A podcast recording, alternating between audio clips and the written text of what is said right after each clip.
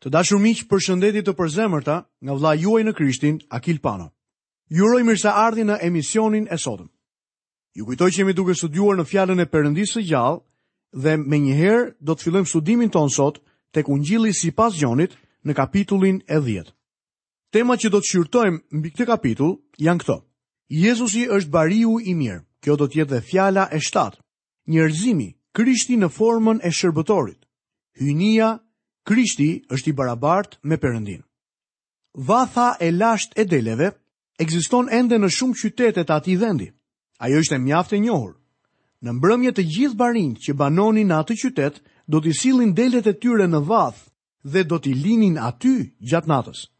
Ia linin në dorëzim portierit që i ruante dhe pastaj largoheshin duke shkuar gjithsecili në shtëpinë e tyre për të kaluar natën.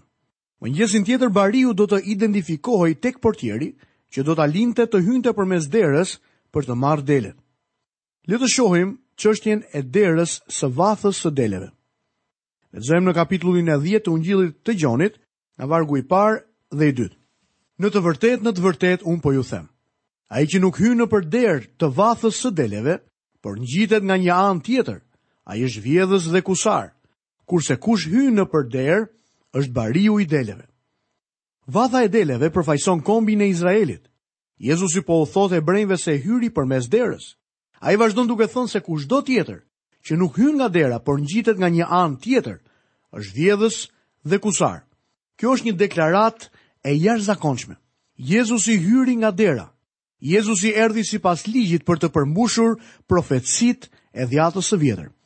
Ai erdhi nën ligj. Galatasit 4:4 na tregon. Por kur u mbush koha, Perëndia dërgoi Birin e tij të lindur prej gruaje të nënshtruar Ligjit. Jezusi erdhi në linjën e Davidit sipas profecisë dhe lindi në Betlehem po sipas një tjetër profecie. Ai erdhi nga linja e Davidit dhe lindi nga një e virgjër sipas profecisë, tek Isaia kapitulli 7 vargu katërmbëdhjetë. Në kohën që lindi, ishte një degë nga trungu i Isaias. Të shohim tek Isaia 11:1. Tani vjen më interesantja. Në kohën kur Jezusi erdhi, linja mbretërore e Davidit kishte zbritur në nivelin e fermerëve. Nuk kishte më mbretëri. Isaia kishte qenë një fermer në Betlehem. Në fakt, ai merrej me rritjen e deleve. Biri i tij, Davidi, u vajos dhe ajo linjë u bë linja mbretërore. Por kur lindi Zoti Jezus, ai ishte një degë nga trungu i Isaias, fermerit. Jezusi ishte zdrukthar dhe vishte rrobat e një zdrukthari. Sa të përpikta ishin profecitë që u përmbushën. Jezusi është Mesia dhe ai erdhi përmes derës. Askush nuk i kishte dëshmitë e tij. Çdokush tjetër mund të kishte qenë vjedhës dhe kusar. Ata nuk mund t'i kishin dëshmitë e Mesias dhe do të duhej të ngjiteshin nga gardhi. Siç e pamë në kapitullin e mëparshëm, njeriu që u shërua nga verbëria u përjashtua nga tempulli. Krerët fetarë po e refuzojnë dhe sfidojnë Zotin Jezus. Mbani mend që thanë, mos vallë jemi edhe ne të verbër? Zoti ynë u tha mjaft qartë se ata ishin të verbër. Tani Jezusi paraqet dëshmitë e tij. Në këtë kapitull, do të shohim që Jezusi do të bëjë një deklaratë të jashtëzakonshme. Izraeli është vatha e deleve, ndërsa Jezusi bariu i mirë. Lexojmë vargun e tretë. Atij ia hap portieri, delet e dëgjojnë zërin, dhe ai i thërret delet e tij me emër dhe i prin jashtë. Kë përfaqëson portieri? Portieri është fryma e shenjtë. Fryma e shenjtë erdhi mbi Jezusin dhe ai e bëri çdo gjë me anë të fuqisë së frymës. Fryma e shenjtë hapte veshët e deleve të tij, që të mund të dëgjonin zërin e tij. Delet i përgjigjeshin. Kjo lidhet me kapitullin e mëparshëm. Ata krerë fetarë ishin shpirtërisht të verbër dhe për më tepër të shurdhër. Ata madje as nuk e dëgjuan zërin e tij. Ai thërret delet e tij me emër dhe i prin të dalin jashtë. Njeriu i verbër e dëgjoi atë që e thirri. Simoni e dëgjoi thirrjen e tij dhe Jezusi ia ndryshoi emrin në Pjetër, që do të thotë gur. Ai thirri Jakobin dhe Gjonin, Natanaelin dhe Filipin. Ndaloi në një pemë në Jeriko dhe thirri Zakeun. Ai i thërret delet e tij me emër. Më lejoni të dal pak nga tema, duke thënë se kur Zoti Jezus do të thërrasë të tijtë në kohën e rrëmbimit, besoj se thirrja e tij do të ketë emrin e çdo besimtari në të. Mendoj se do ta dëgjoj të thërrasë emrin tim personalisht, Akil Pano. Kjo do të jetë e mrekullueshme. Zoti e di emrin tim. Ai di emrin tënd dhe do të na thërrasë në atë ditë. Ai do t'ju thërrasë nëse jeni një nga delet e tij. Ju do të dëgjoni emrin tuaj në thirrjen e tij. Jezusi i drejton delet e tij jashtë vathës, jashtë judaizmit. Pra krerët fetarë e përjashtuan nga tempulli njeriun të cilit Jezusi i ktheu shikimin. Jezusi do t'i prijë këto dele jashtë judaizmit. Lexojmë vargun e katërt. Dhe pasi i ka nxjerrë delet e tij, shkon para tyre dhe delet e ndjekin, sepse njohin zërin e tij. Kur isha në Betlehem, kalova disa kohë duke vëzhguar vathën e deleve që përdorej ende. Një vathë delesh ishte një vend i rrethuar ku barinjtë vendosin delet e tyre për të kaluar natën. Portieri kishte për detyrë t'i ruante. Pastaj bariu e kalonte natën në krevatin e tij. Kur vinte në mëngjes tek vatha e deleve, Delet e tij ishin ngatërruar me delet e dikujt tjetër. Nuk kishte asnjë lloj shenje apo damke mbi delet. Pyetja është si i dallonte ai të tijat? Ai i thërret me emra. Delja nuk ka pse identifikohet. Ajo e njeh zërin e bariut. Kur niset drejt kodrës, delet e tij dalin jashtë vathës dhe e ndjekin. Ato e njohin bariun.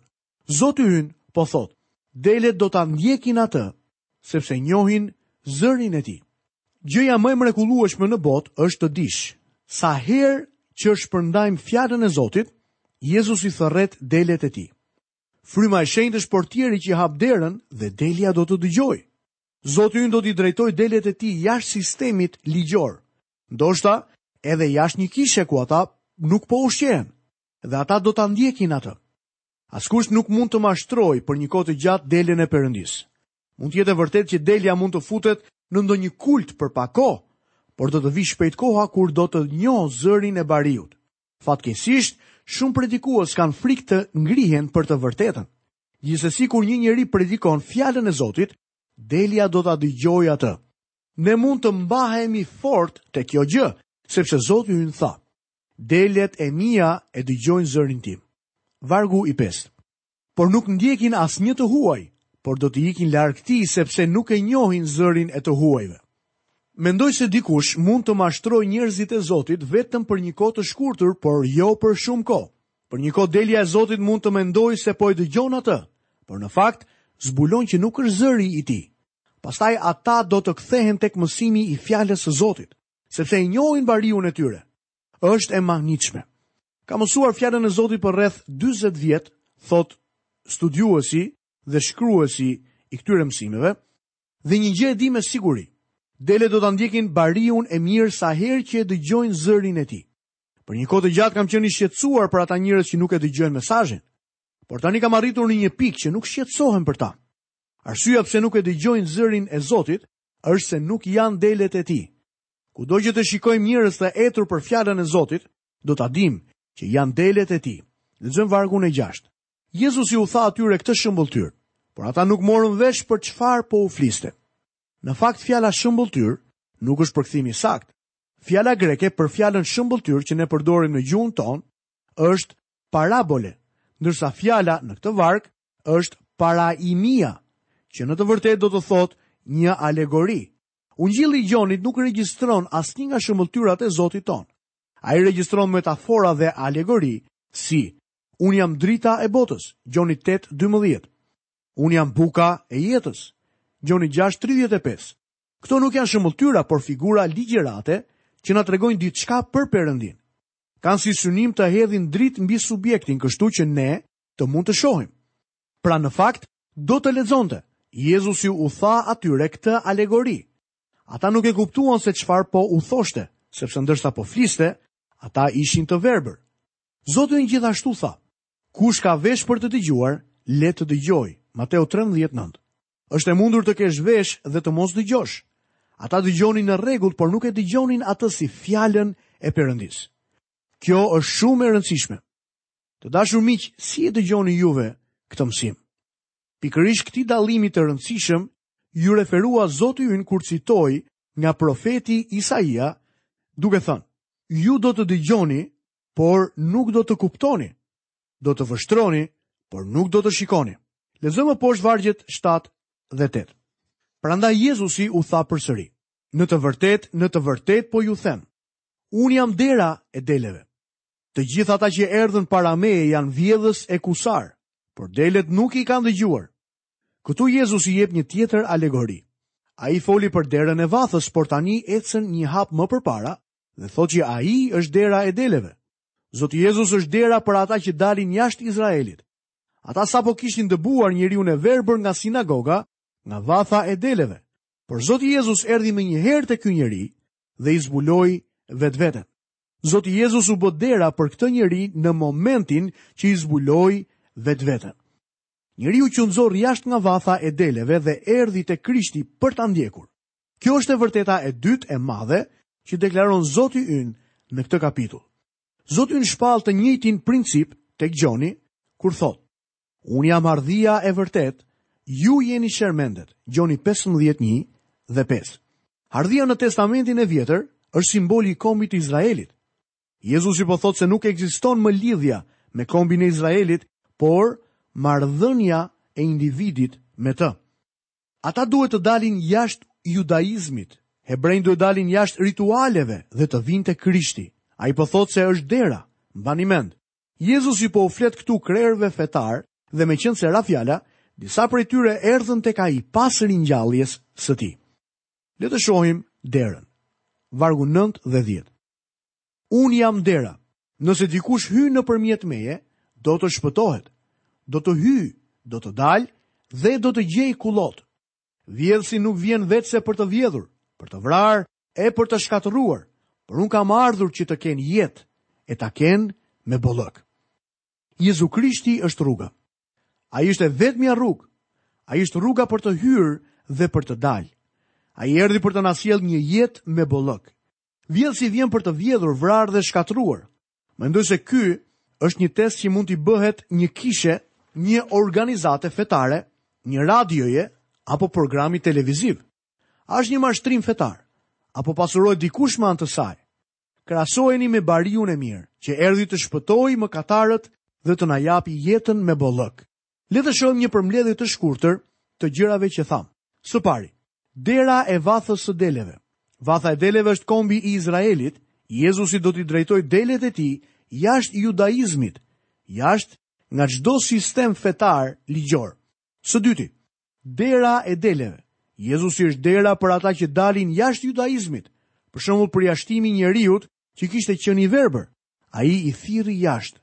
Shpëtoni veten nga ky brez i çoroditur. Ky ishte edhe qendra e predikimit të apostullit Pjetër tek Veprat kapitulli 2 dhe vargu 40.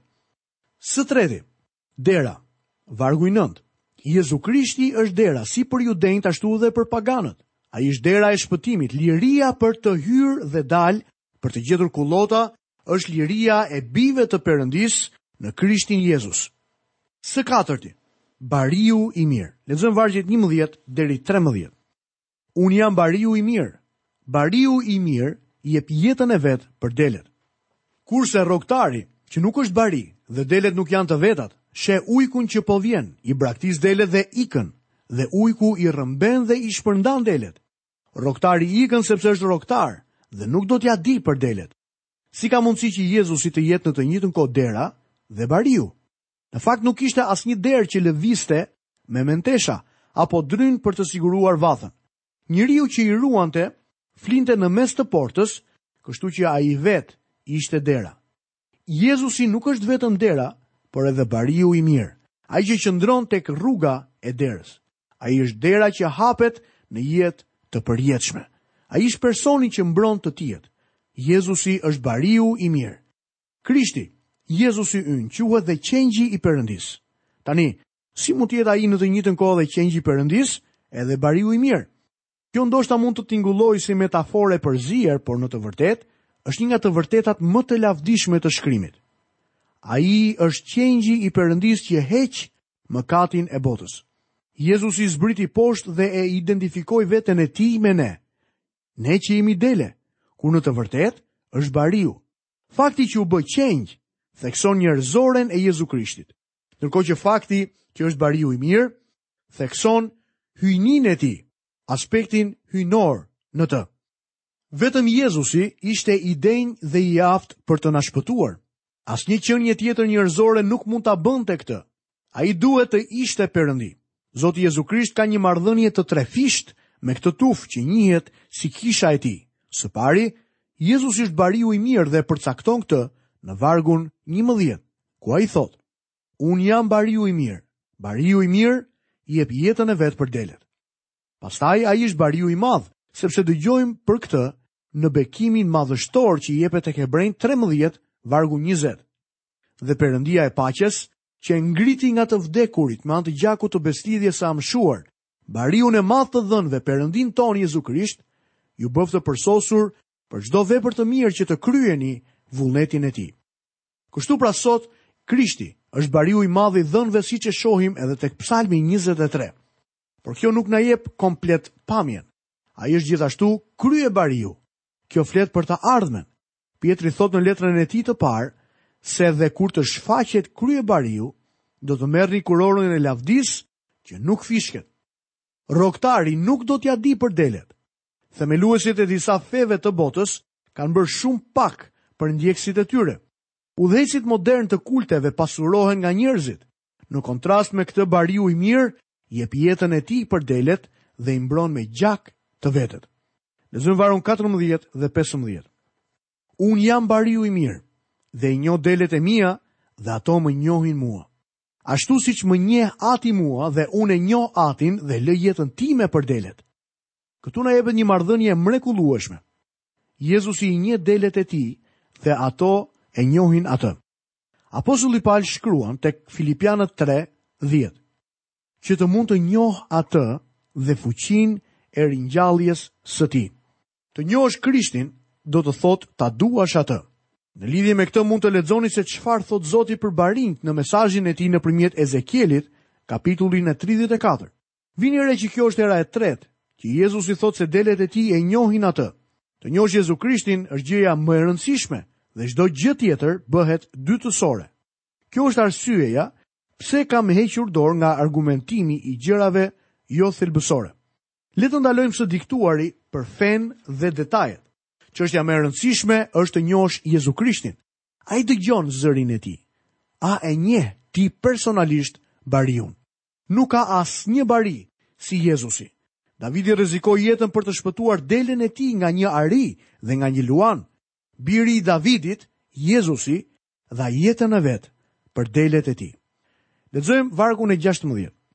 Unë kam edhe dele të tjera që nuk janë të kësaj vathe. Duhet t'i mbledh edhe ato, dhe ato do ta dëgjojnë zërin tim dhe do të jetë një tufë e vetme dhe një bari i vetëm. Ka edhe dele të tjera që nuk janë nga kjo vathë. Vatha është Izraeli, por edhe të tjerë do ta dëgjojnë zërin e tij. Do të jetë një tufë e vetme dhe një bari i vetëm. E shihni duhet të ekzistojë një tufë dhe një bari. Kjo tufë do të përmbajë judenjtë dhe paganët, të pasurit dhe të varfërit, skllevërit dhe të lirët, meshkujt dhe femrat, njerëzit me ngjyrë dhe të bardhët, njerëz nga çdo komb, nga çdo gjuhë dhe nga çdo fis. Lexojmë vargun 17 dhe 18. Prandaj ati më do sepse unë e lë jetën time që ta marr përsëri. Askush nuk mund të ma heqë, por e lë nga vetja. Unë kam pushtet ta lë e pushtet ta marr përsëri. Ky është urdhri që kam marrë nga ati im. Jezusi thotë se gjithë ky është vullneti i atit.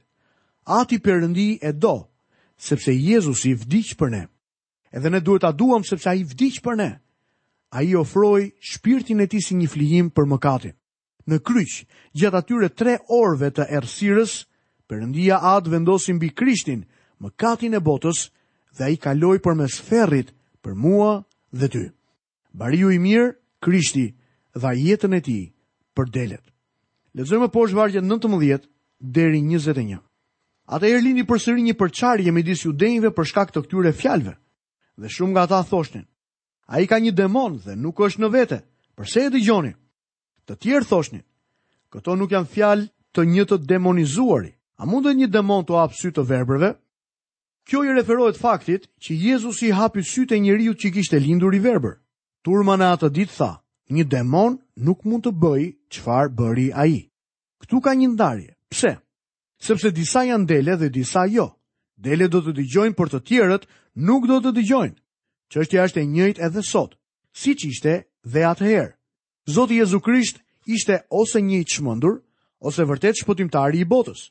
Ose ai ka një demon, ose është biri i Perëndisë. Gjithmonë kanë ekzistuar ndarje. Kur apostulli Pal predikoi në Athinë, disa besuan dhe disa të tjerë jo. Kur unë predikoj, disa besojnë dhe disa të tjerë jo. Nuk kemi pse presim që të jetë ndryshe. Të ashtuquajturit teologë liberalë janë njerëzit më kontradiktorë dhe palogjikë në botë. Jezu Krishti nuk mund të jetë vetëm një mësues i mirë, një shembull i papërsëritshëm.